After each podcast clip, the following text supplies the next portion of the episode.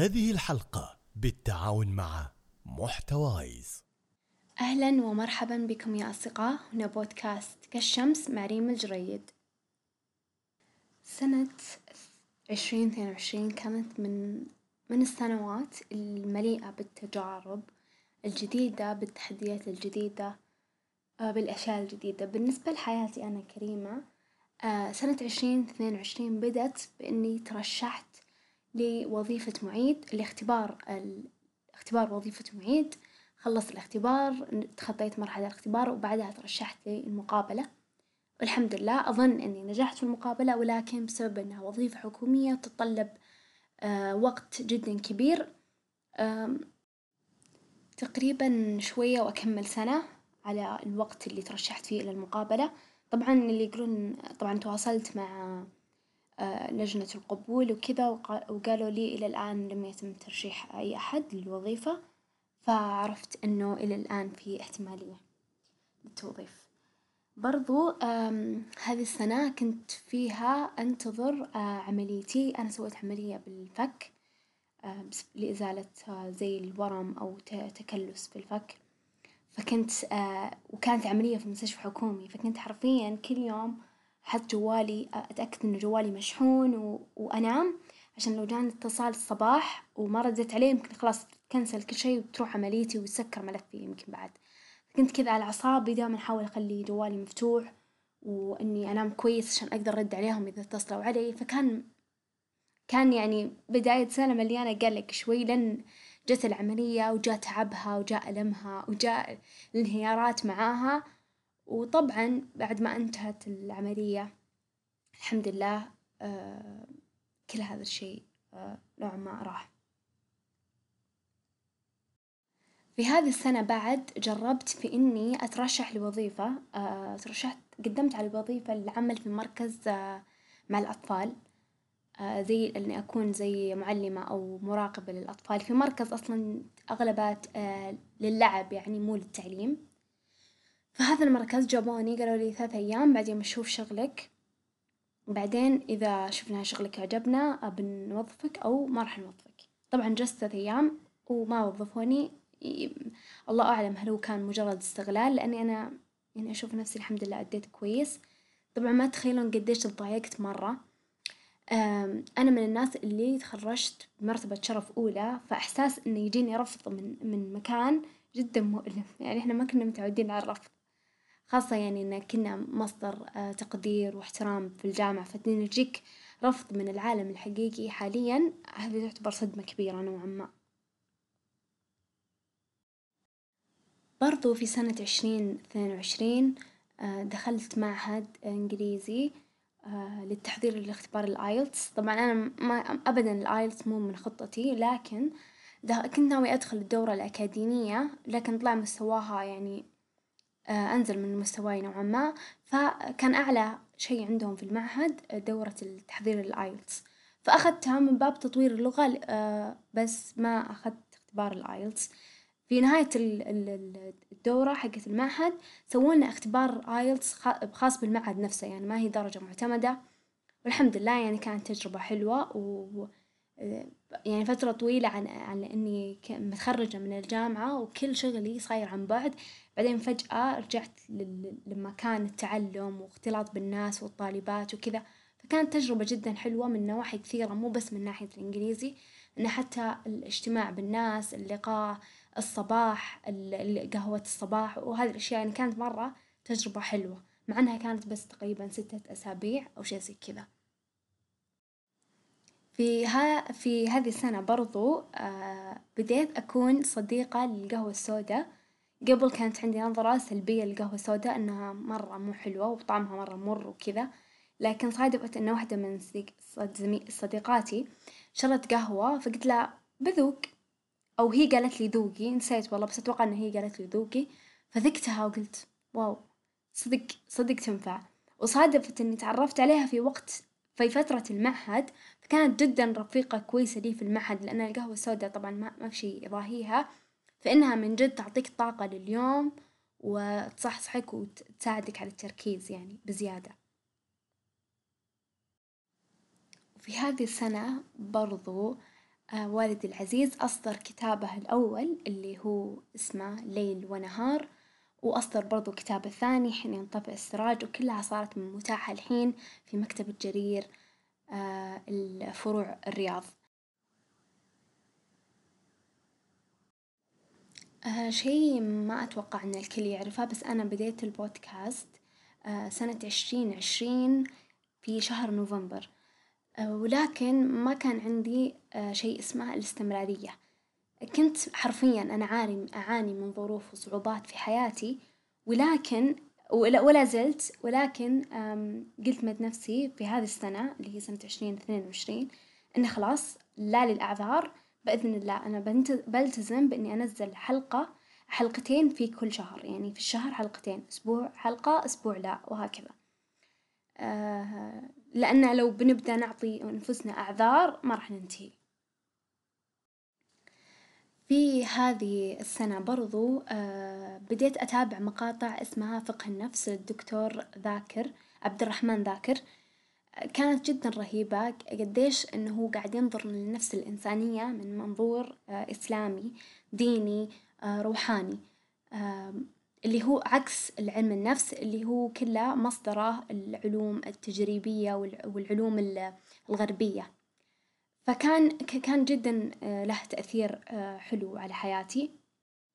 واللي هو تقريبا أنا بديت أتابع هذه المقاطع في نهاية السنة يعني تقريبا في شهر أحداش أو شي زي كذا اللي هو شهر نوفمبر. أنصحكم كلكم تشوفون مقاطعة تساعدك على فهم نفسك فهم الوضع الحالي اللي إحنا وصلنا له بطرق التفكير بالتعامل بطريقة اتباعنا للشرع والدين وغيرها من الأشياء. اللي اللي حاب يعني يعرف عن الموضوع أكثر بحط لكم رابط القناة في صندوق الوصف لهذه الحلقة. في هذه السنة برضو صار لي موقف آه، جدا سيء. أو مو موقف زي تجربة مريت فيها كانت سيئة. الموقف هو إن أنا آه، كنت ولا زلت أعاني من القلق اضطراب القلق العام وأخذ دواء آه، نفسي لهذا الاضطراب. طبعا أنا من الناس اللي جدا صبري قليل و كنت دايما أبحث عن الحل, الحل النهائي اللي يشيل كل الأعراض ولكأني مصابة. كنت أتحسن مع مع مع المواعيد والأدوية وكذا ولكني ما وصلت للتحسن اللي أنا أبغاه. فقلت خلاص أنا بروح دكتور جديد وبروح أدر أجر يعني مع الدكتور الجديد هذا أجرب دواء جديد وأشوف يعني إيش بيصير لي. وفعليا الدكتور اللي رحت له كان كويس. آه بدأ وصف لي دواء وقلت خلاص أنا ببدأ معاه وزي كذا. بعدين الدواء اللي وصف لي إياه كان ما فاد معي نفس الشي آه، زاد عندي القلق ومهما رفعت الجرعة ما وصلت للنتيجة اللي أبيها. فكان حرفيا مضيع للوقت والجهد والمال والصحة whatever طبعا أنا إيش سويت؟ ما رحت للدكتور وقلت له إنه ترى كذا كذا لا رحت وقفت الدواء من نفسي قلت خلاص ما داعي. وطبعا بس وقفته السبت صارت لي نكسة آه بعد يومين. حرفيا بعد يومين صارت لي نكسة. حرفيا كنت أحس جسمي مو شايلني اللي يقولون الأدوية النفسية تسبب إدمان لا هذا مو إدمان قد ما إنه القلق أو الأعراض القلق اللي أنا أعاني منها يعني نوعا ما مو زادت بس زي انتكست أو صار لها ضربة أو شي زي كذا. يعني ممكن تستفسرون من طبيب نفسي عشان تفهمون الموضوع أكثر. المهم في هذه السنة آه بعد يعني ما تركت الدواء بيومين جاني تعب جدا رهيب. يعني أعراض تقريبا كأنها نزلة معوية بس ما هي نزلة معوية بدون حرارة آه انخفض ضغطي وكذا أطرافي صفرة وفيني رجفة وقلبي يدق وجسمي كله في قشعريرة وكذا. كان شعور جدا سيء.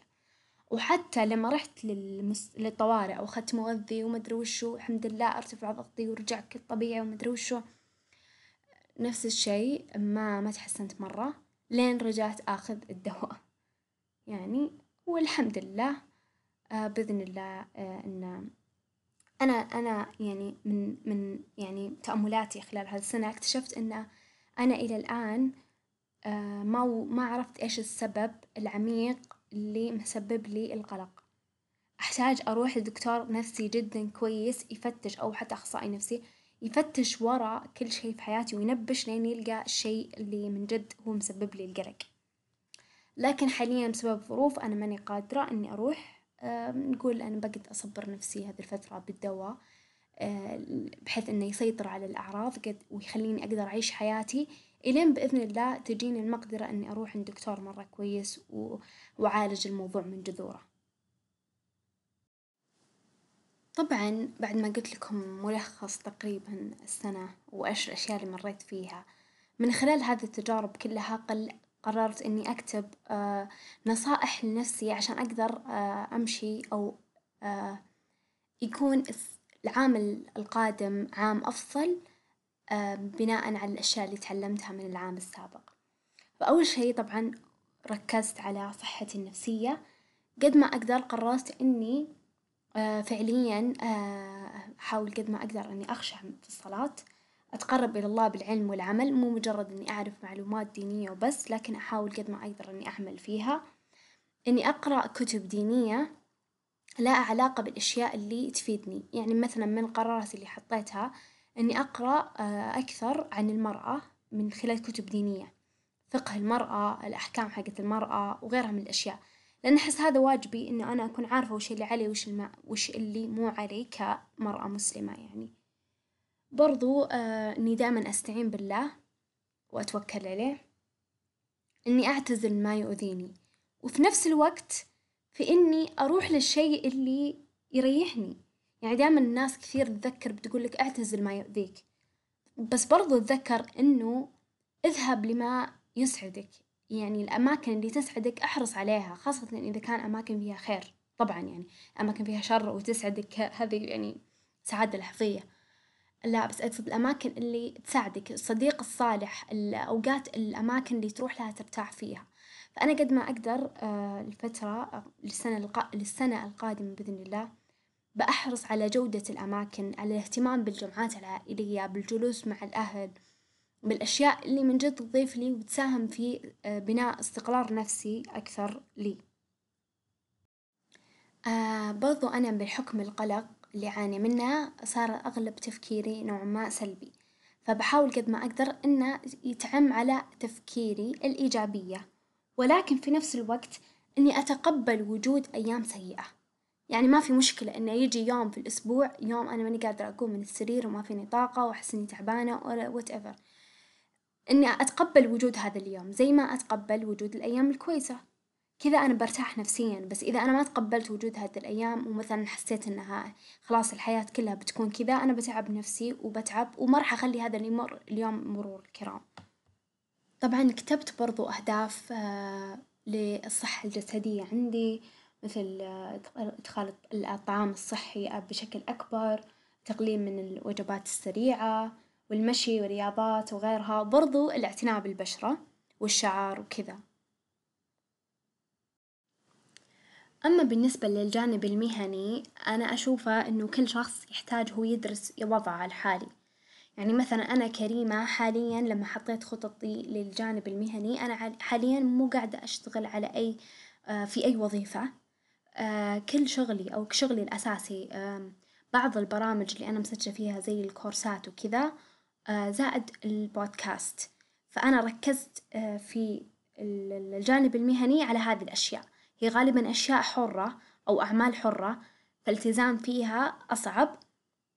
ولكن هي طريقة التعامل معها أو بناء الخطة فيها مختلفة عن أو إنك تبني خطة مهنية خاصة فيك وإنت موظف في مكان معين، وطبعًا للأهداف المهنية حقتي حطيت خطط عامة، يعني مثلًا من خططي العامة إن خلال هذي السنة بإذن الله أبغى آخذ دورة في الهندسة الصوتية للبودكاست حقي عشان أصير أفظل في المونتاج، برضو واحدة من الخطط إني ودي أفتح نادي للقراءة للفتيات في الرياض، إلى الآن ما نشرت الموضوع ولكن اللي حابة تنضم ممكن تضيفني على حسابي الخاص في الإنستجرام لأني بإذن الله بعلن عن افتتاح النادي في فيه. طبعا بإذن الله في خلال هذه السنة بحاول قد ما أقدر أركز على البودكاست حقي من ناحية الاستمرارية في الحلقات لأن ما في ما في أبدا نجاح بدون استمرارية، الاستمرارية هي أساس النجاح، والله سبحانه وتعالى علمنا نصلي كل يوم في خمس مرات في اليوم بأوقات معينة ما نتأخر فيها عشان يعلمنا على الاستمرار، عشان يقول يعني يعلمنا أن الاستمرار مهم جدا. الاستمرار والانضباط طبعا إنك تنضبط في في شغلك وتستمر عليه برضو بإذن الله بيكون عندي آه كمية من الكتب اللي أبغى أقراها في كتب إلى الآن أنا محددة أبغى أقراها وفي كتب بإذن الله يعني من خلال السنة آه ممكن يعني أقترح على نفسي كتب أخرى يعني وأبدأ بقراءتها السؤال هنا هل أنتم مستعدين للسنة الجديدة؟ هل بديتوا تكتبون خططكم؟ أنا أنصحكم بإنه أي شيء تبون تكتبونه إنكم تكتبون خطط عامة، الخطة البسيطة المفصلة هذه خلوها للحياة، خلوها لليوم، يعني مثلا أنا أبغى أقول مثلا زي أنا ذكرت قبل قبل شوي إني أنا أبغى أفتح نادي القراءة، أنا ما راح أكتب بالتفصيل شلون بفتحه ومع مين ومين الأعضاء، لا أنا أخليه أنا خلاص أنا حاطة في بالي إني بفتح نادي قراءة خلاص. متى ما شفت نفسي مستعدة طبعا أنا برضو رتبتها على بأوقات من خلال السنة، متى ما جاء هذا الوقت وحسيت إني مستعدة خلاص أنشر الموضوع أو أشوف مين بيدخل مين بيدخل التفاصيل خليها هي تجي بعدين، أنت أهم شي اكتب الفكرة العامة وشجع نفسك عليها ومهد بإن في خلال السنة القادمة إنك تكون مستعد لهذه أو لهذه الخطة يعني.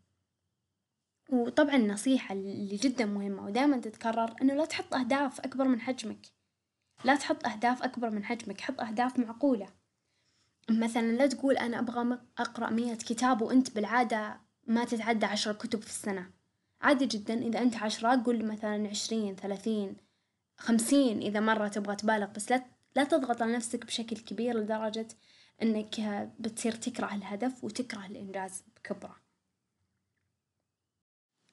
لا تنسون إنه آه كل تجربة مريتوا فيها خلال سنة عشرين اثنين وعشرين هي درس، حاولوا تدرسون مع أنفسكم، تشوفون إيش صار إيش ما صار إيش علمتوا من كل تجربة في حياتكم، آه راجعوا أنفسكم وراجعوا المصادر اللي أنتوا تغذون نفسكم من خلالها، يعني إذا أنتم تقرؤون مثلا لأشخاص غلط إذا أنتم تعاشرون ناس غلط إذا أنتم البيئة اللي أنتم تعيشون فيها تأثر عليكم بشكل سلبي راجعوا هذه الأشياء وحاولوا أنكم تغيرونها، صح أن التغيير صعب ولكن نتائجه جدا مرضية، هذه حلقة كانت جدا خفيفة لطيفة من القلب للقلب سولف لكم بس عن السنة القادمة وتوقعاتي للسنة الجاية بإذن الله، كل الحب. آه لا تنسون تقييم الحلقة ومشاركتها مع شخص إذا عجبتكم وتابعونا في مواقع التواصل الاجتماعي عشان تشاركونا رأيكم بالحلقة أو اقتراحاتكم للحلقات القادمة،